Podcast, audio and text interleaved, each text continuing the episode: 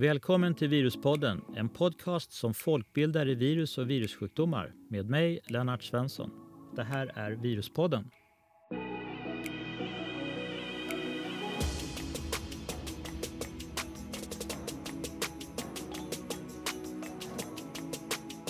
Välkommen till Viruspodden med mig, Lennart Svensson och Åke Lundqvist. Covid-pandemin har nu pågått i nästan två år och influensan är på väg tillbaka. Senaste nytt visar att även vinterkräksjukan har hittat tillbaka. Gemensamt för dessa sjukdomar är att de orsakas av virus. Men vad är ett virus? Om det handlar dagens podd. Vad är ett virus och vad är en mikroorganism? Ja, eh, man kallar bakterier och virus gemensamt för mikroorganismer och det betyder ju helt enkelt väldigt små organismer. Eh, och det jag tänkte säga först är att virus är ju mycket, mycket mindre än bakterier. Kanske i snitt 10 000 gånger mindre. Bakterier kan vi ju se i om vi säger vanliga mikroskop, alltså ljusmikroskop. Det kan vi absolut inte göra vad gäller virus. De är mycket, mycket mindre eh, och de är också mycket enklare uppbyggda än, än vad bakterierna är.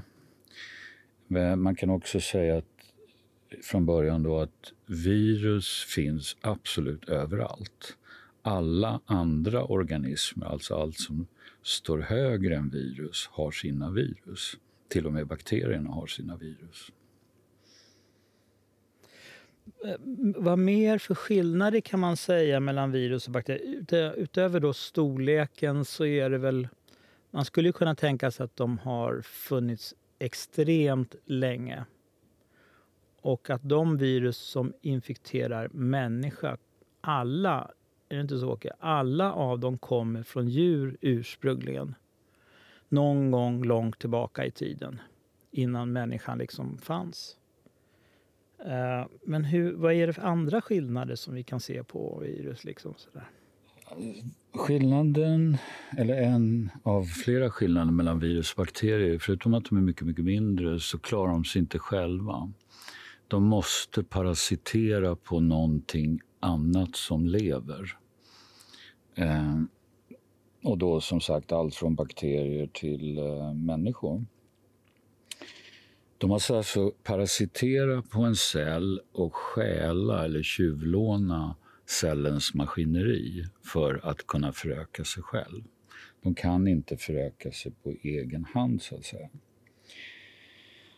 Och en viktig skillnad är också att virus förökar sig genom hopsättning av de delar som virus består av. Medan bakterier och uppåt förökar sig genom att cellerna delas och blir fler. Men virus bygger ihop flera partiklar inne i den här cellen som den parasiterar på. Eh, och där finns det ett, ett besvärligt ord, då, eller det är egentligen tre ord. Man kallar det obligata intracellulära parasiter. Och det kanske du kan förklara vad det betyder, Lennart?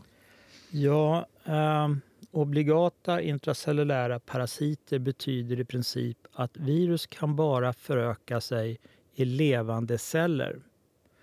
N när vi hör talas om att man hittar virus på, på golvet och på väggar och, och, och plast och tallrikar och allt sånt, så kom ihåg att virus kan aldrig föröka sig på sådana ytor.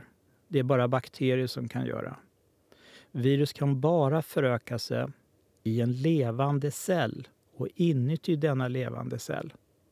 Och när den gör det så tar den över cellens maskineri. Den snor och tar alla näringsämnen och tar över hela cellen och förökar sig. En viruspartikel i en cell kan ge upphov till 10 000 nya viruspartiklar på kanske 6-10 timmar eller någonting sånt. Men vad består ett virus av då? Ja, egentligen är ett virus bara en, ett proteinskal som innehåller en arvsmassa, enkelt sagt. Den är ganska enkel i sin enklaste form. Så ett proteinskal och inuti den här bollen, om man nu vill kalla det för det, så ligger virusets arvsmassa. Det finns några varianter som är lite mer komplicerade, men inte mycket mer. Så i grunden ett proteinskal som innehåller en arvsmassa. Och arv, proteinskalet är till för att skydda arvsmassan från attacker från olika saker utanför cellen eh, eller inne i cellen. Så det är liksom en skyddshjälm kan man väl säga för arvsmassan så inte den blir attackerad. Virus är ett proteinskal och den innehåller alltså arvsmassan och den kan då för virus vara antingen RNA eller DNA. Coronavirus vi pratar om, den består ju av RNA-arvsmassa. Eh, höljbärande eller inte, vad säger du om det? Och kan man säga, en del virus har ju ytterligare hölje också för att skydda sig. Varför har den det, tror man? Vet man det? Eh, nej, jag tror inte man kan säga att man vet det. Man vet att, att, som du säger, att vissa virus har förutom det du har beskrivit, alltså ett skyddande proteinskal som skyddar arvsmassan, alltså DNA eller RNA, så har en massa virus, men inte alla, långt ifrån alla. Jag vet inte om man kan säga att det kanske är typ hälften som har hölje, eller lite mer. Eh, då ett hölje som består av, av fetter kan man säga med insprängda proteiner i. Och eh, ofta så är ju något av de här, eller alltid kanske, så utgör något av de här proteinerna som sitter i höljet det som känner igen en receptor på den cell som sen infekteras och parasiteras på. Men höljet är ju känsligt, så att den typ av virus som, som infekterar via besvärliga miljöer, till exempel mag-tarmkanalen, där det är väldigt lågt pH, har ju aldrig, eller i alla fall väldigt sällan, någon typ av membran. Det klarar inte den miljön, helt enkelt. Eh, men jag kan nog inte se någon egentlig fördel med hölje. Kan du göra det? Då? Nej, nej det Nej, det kan jag nog inte göra. Men de skillnader som Åke tar upp är ju eh, viktiga att påpeka. Det är så här att virus som har ett extra hölje som då består av eh, fetter som kommer egentligen från cellens fetter, eh, kolesterol till exempel, eh, och så har den lite socker på sig. De, och det coronavirus är ett sånt virus. Influensa är ett sånt virus. Och RS-virus som vi nu har aktuellt till lite pandemi i Sverige. De har alla ett hölje sånt där då, som innehåller socker och fetter. Det som är intressant med det är att, att tvätta händerna med tvål och vatten är otroligt effektivt. Varför då? För att inaktivera. Varför då? Jo, därför att tvål och vatten plockar bort fetterna från höljet och viruset dör omedelbart. Man kan göra det här med alkohol också, men tvål och vatten är otroligt mycket bättre. Som ni vet, tvål löser fetter. Viruset har en, de här corona har fetter på sin hölje. Tvättar man händerna eller vad du gör så dör viruset på en gång. Är virus levande överhuvudtaget? Det är mer en sån här nästan filosofisk diskussion för som vi nyss sa så kan virus bara föröka sig utanför en levande cell, alltså på golvet eller händer eller vad du vill. Eh, men då är den väl död, va? kan man ju säga. Men om den kommer in i en cell, ja då är den ju levande, för då kan den ju föröka sig. Eh, så Ja, det är mer en filosofisk historia. Där. Den är död så länge den är utanför en cell, levande när den är innanför en cell. Hur, hur, ser du på det? Det här är mer en filosofisk diskussion. Hur ser ja, du på det där? Jag tycker också det, men jag tänker att, um, att virus finns i två former. Virus finns i en, en definitivt död form, som bara, det är ju bara lite en multimolekyl, eller vad vi ska kalla det, som består av lite protein och lite DNA eller RNA och lite fetter kanske. Uh, tvärdöd. kan ju ligga där vissa virus som är väldigt tåliga kan ju ligga i åratal döda. Men som du säger, sen när de på ett eller annat sätt tar sig in i en cell som passar just för det här viruset, då sätter de igång och förökar sig. Och det känns ju som att de då lever. Men ska man strikt definiera så är väl virus inte levande. Eh, men, alltså men som ser... sagt, jag, jag, jag, håller med, det är en filosofisk fråga och, och det enklaste tycker jag ser är att de, virus finns i två former, en död form och en levande mm. form. Mm. Det, det, finns några som har, har, en, har haft en annan definition och det är att virus inte har någon egen metabolism. Alla levande organismer annars, även små kryp och bakterier och alla, de har en egen metabolism och med det menas att de har ett eget cellmaskineri som genererar energi och alla proteiner som behövs. Och där. Men virus har ingen egen cellmetabolism utan den parasiterar på cellen när den kommer in. Mm. Och det är den metabolismen den använder. Så om man skulle gå på metabolismspåret så är den ju död materia förstås.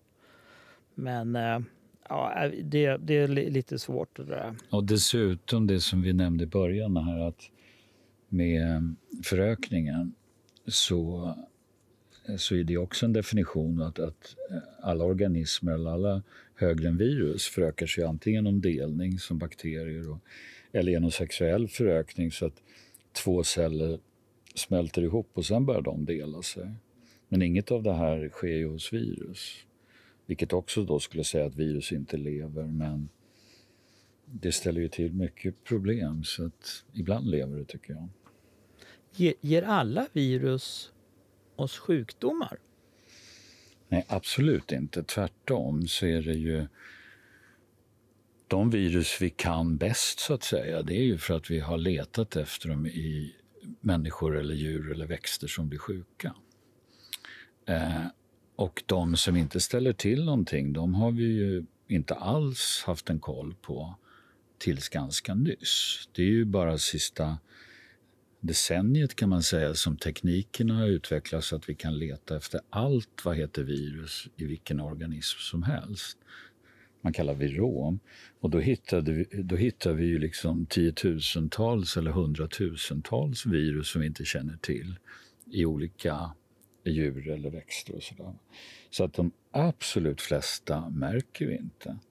Och som vi var inne på tidigare också så har vi säkert eh, mycket av, av normalflora som kanske till och med är bra för oss.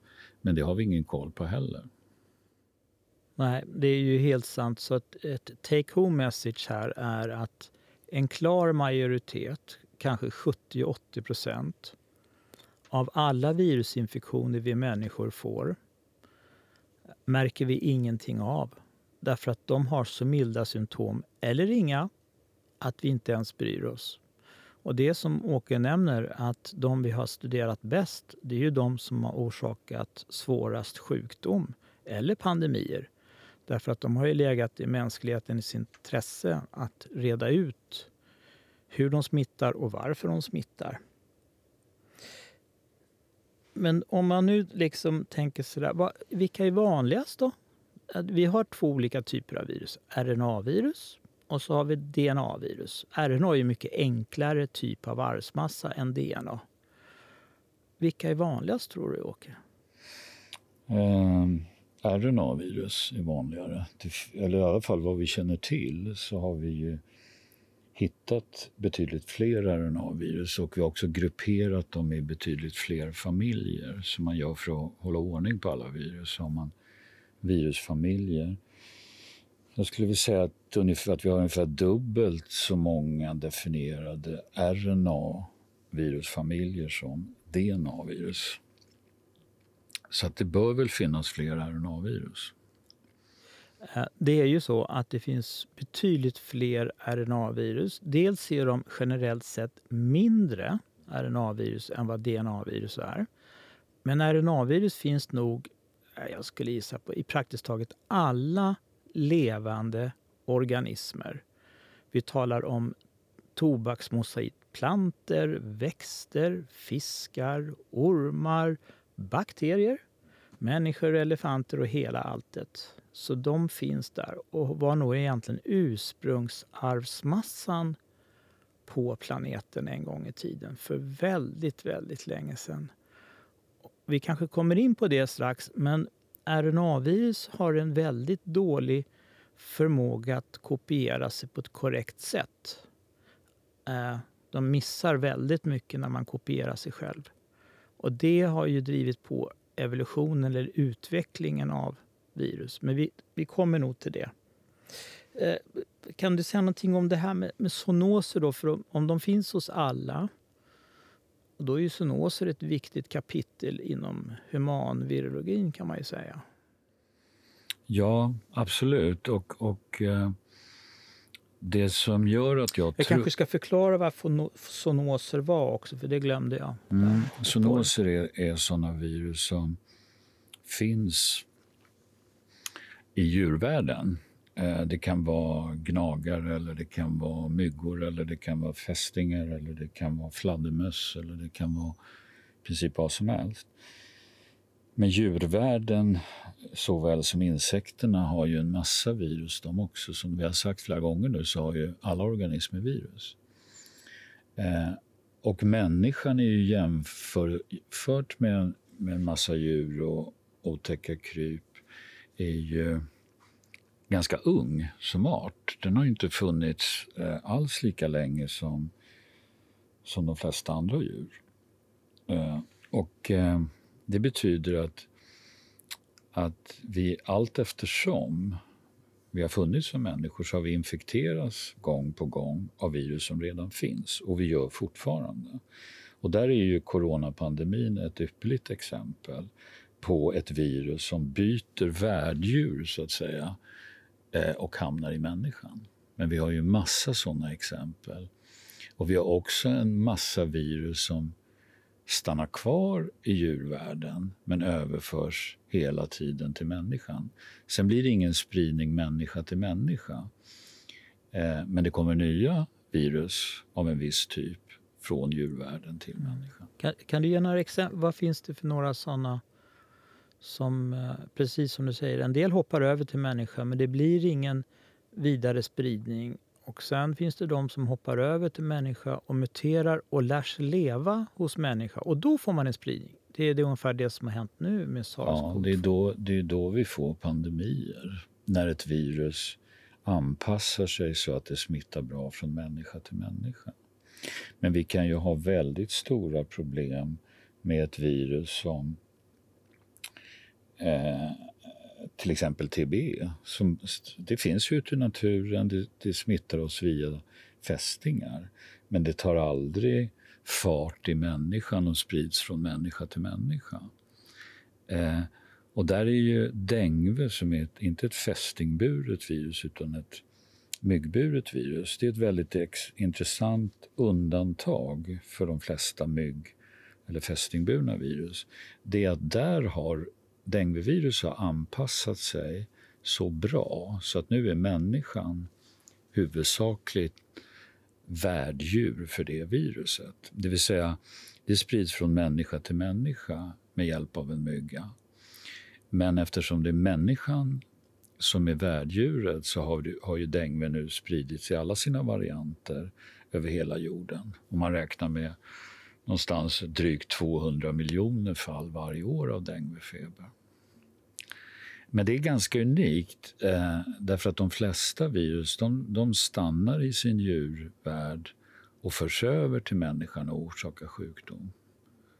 Alltså denguevirus hade ju apor tidigare som huvudsaklig reservoar men har anpassat sig så bra till människan så att nu, är det, nu räcker det med människan och myggor. Mm. Vi har, HIV har vi ju som ett annat exempel som kom från apor över till människa och sen anpassade sig genom eh, mutationer, precis som sars-cov-2, att leva hos människor och med tiden på något sätt öka smittspridningen. Men det finns ju några som egentligen har misslyckats med det här hoppen också. Eh, en av de mest extrema faktiskt är ju det som heter rabies. Alltså på svenska brukar man kalla det för vattuskräck. Eh, och den sprids ju egentligen att, genom att en hund, eller räv eller katt eller något river en människa och människan blir infekterad med rabies. Och gör man ingenting då så är det 100% dödlighet. Mig veteligen finns det inget virus som är mer dödligt än det. Eh, däremot vad jag vet, jag känner inte till något fall där en människa som har varit rabiesinfekterad har smittat någon annan människa. Däremot finns det en rolig historia från Transylvanien som sprids som säger att Dracula en gång i tiden var rabiesinfekterad och sprang och bet och rev andra människor. För ett av symptomen vid rabies är stark salivproduktion och att man blir liksom eh, psykotisk på något sätt och beter sig väldigt udda. Så i Rumänien så sprider man fortfarande idén om att eh, Dracula var rabiessmittad och sprang och bet andra människor. Och tänderna och blodet hänger där. Egentligen var det nog saliv. Eh, det är nog en skröna, men den är rätt så kul ändå. Men vi har två andra kul. Det är ju faktiskt MERS som var coronavirus och SARS-CoV-1 Båda de fick aldrig någon riktig spridning, ingen pandemi. De var lokala utbrott, men notera, med hög dödlighet. Så om man har hög dödlighet så är det inte sällan så att det blir en dead end hos människa. Vad finns det fler för intressanta infektioner? Och, Som, jag menar, du håller ju på med zoonoser där. Där finns det ju väldigt mycket spännande att leta på. Ebola är ju ett bra exempel också på någonting som har väldigt hög dödlighet. Men inte har orsakat eh, speciellt stora utbrott.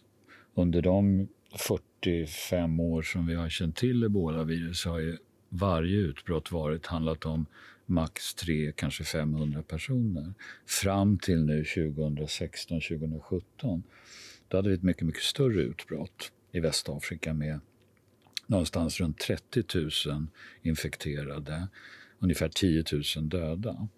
Och där funderar vi ju mycket på vad är skillnaden? Varför får vi plötsligt ett, ett utbrott som är 60 gånger större än tidigare? Finns det någon, någon, någon orsak till oro? Där har viruset förändrats på något sätt så att det har blivit mer effektivt att smitta, därmed skapa större utbrott. Men det har man inte kunnat se, utan stammarna som orsakade det är väldigt lika de som har skapat mindre utbrott tidigare. Utan det var nog att det fick en spridning under så lång tid innan man förstod vad det handlade om. Men, men eh, det är ett bra exempel på ett väldigt dödligt virus som inte verkar kunna skapa eh, pandemier. Men jag menar, vad, vad händer nästa gång? Det vet vi inte. Mm. Mm. Finns det något... Hur är det med lass, Lassafeber är också sån där... Äh, Lassafeber är ju någonting som orsakar tusentals dödsfall varje år. Men det är lite som influensan i västvärlden eller i Sverige. Va? Där dör det ju x antal hundra, ibland vissa vintrar flera tusen människor. Nu vaccinerar vi ju mera, va? men tidigare.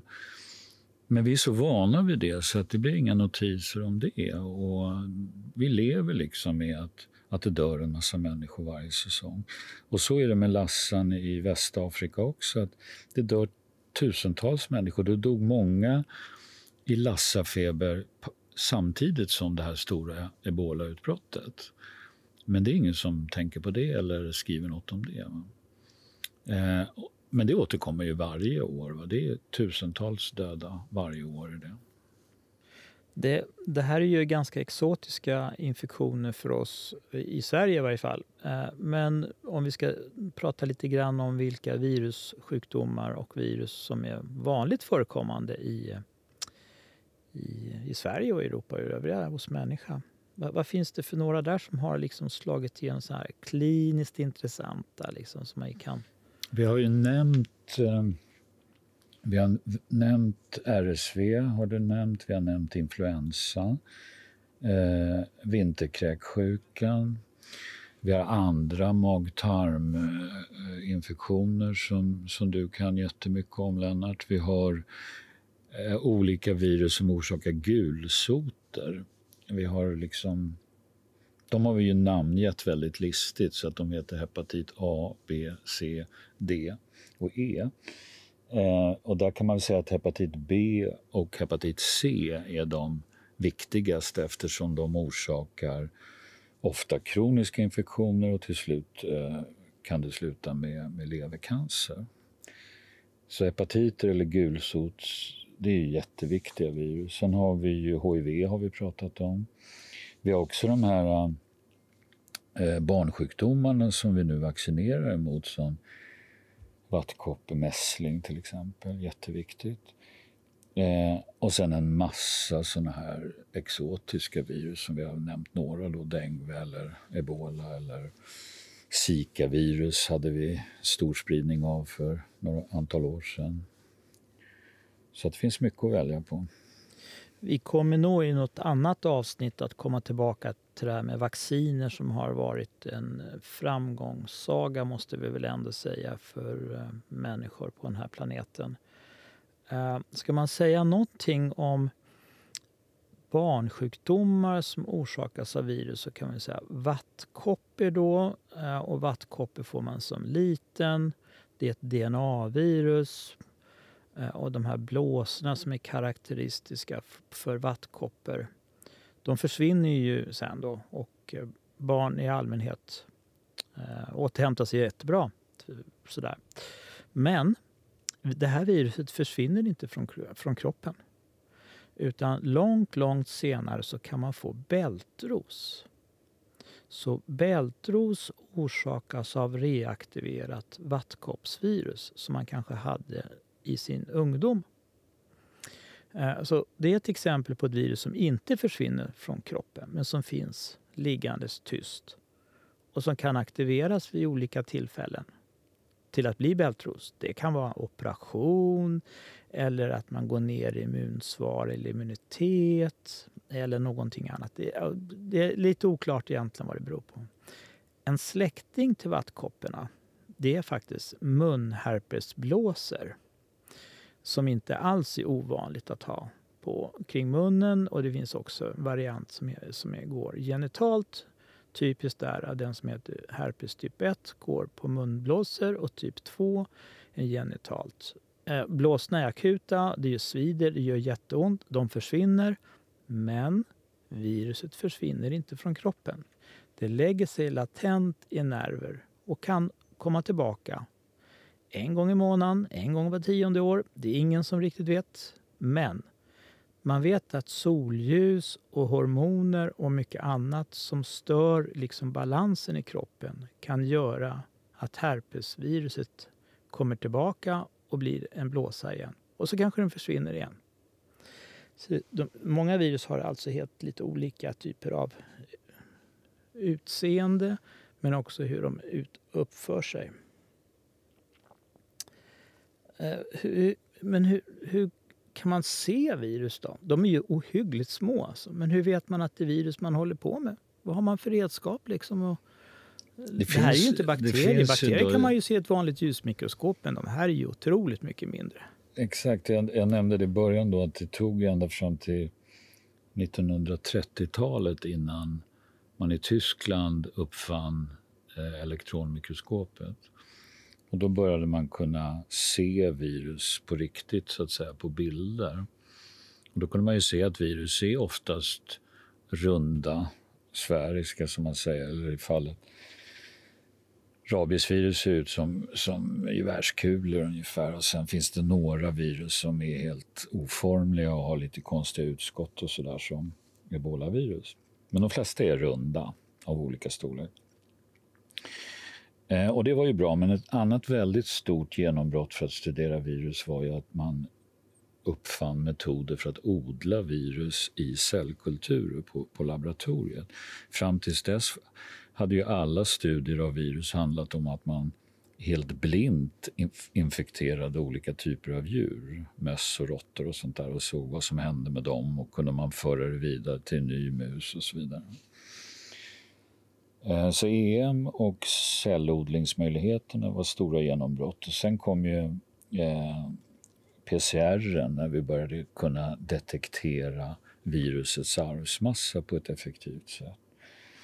Och under de sista 20 åren, kan man väl säga 20-25 åren, så har möjligheten att titta på den här arvsmassan, vad den består av för bokstäver, det vill säga sekvenser av arvsmassan, har ju tagit en extrem fart. Eh, idag kan vi ju ta fram en sekvens på ett virus på, på några timmar. Och på, när vi höll på med det på 90-talet, Lennart, då, tog det, då kunde vi få fram 100 bokstäver på en dag om vi var två personer som jobbade hårt. Så det har hänt väldigt mycket. Så att genom de här metoderna så kan man lära sig mer och mer genom viruset. Så delar man in dem då, som jag nämnde tidigare, i, i familjer först och främst, de som liknar varandra. Och sen finns det undergrupper i varje virusfamilj med de som är mer och mer släkt. Så att säga. Och till slut kommer man ner till det man kallar stam eller art. Eh, ett visst virus. Jag kommer ihåg eh, när jag började med virologi i mitten på ehm, 70-talet där. Så då hade vi bara cellodling till att arbeta med i princip. Det, den PCR fanns ju inte, var inte, det fanns inte på kartan. Alltså. Det var väldigt primitivt. Det var djurförsök och cellodling som gällde. Alltså. Och elektronmikroskopi. Um, är det någonting mer där som, som... Hur tror du att det blir med virus i framtiden? Jag tror ju tyvärr att, att virus blir mer och mer viktigt. Det är redan jätteviktigt, som vi varit inne på, och orsakar väldigt många typer av sjukdomar. Men eftersom vi så snabbt blir fler och fler människor, vi, vi skövlar regnskogar, vi skapar monokulturer, vi bygger megastäder på 20-30 miljoner, 50 miljoner människor tränger vi ihop i samma städer. Och vi blir snabbt fler och fler. Eh, så manipulerar vi naturen mer och mer. Vi behöver ju mat allihopa såklart, och inte minst protein. Och då blir det mer och mer djur vi behöver nära oss, vi behöver eh, äta. Och det gör att det kommer bli nya pandemier, det kommer bli nya problem och jag, jag tror också att det kommer bli tätare och tätare. Så att jag tänker att vi, måste, vi får inte glömma bort, som vi snabbt gör, utan vi måste lära av inte minst den pågående pandemin nu, att vi måste bli bättre på att ta reda på vad som hotar oss. Vad finns där ute? Vad är mest sannolikt att det blir nästa eh, pandemi? Vad kommer det vara för någonting? Ja, med dessa ord så får vi väl avsluta dagens podd. Men jag tror med all säkerhet att vi kan återkomma till det här med vad är ett virus och kanske hitta någon annan infallsvinkel. Tack så mycket för idag.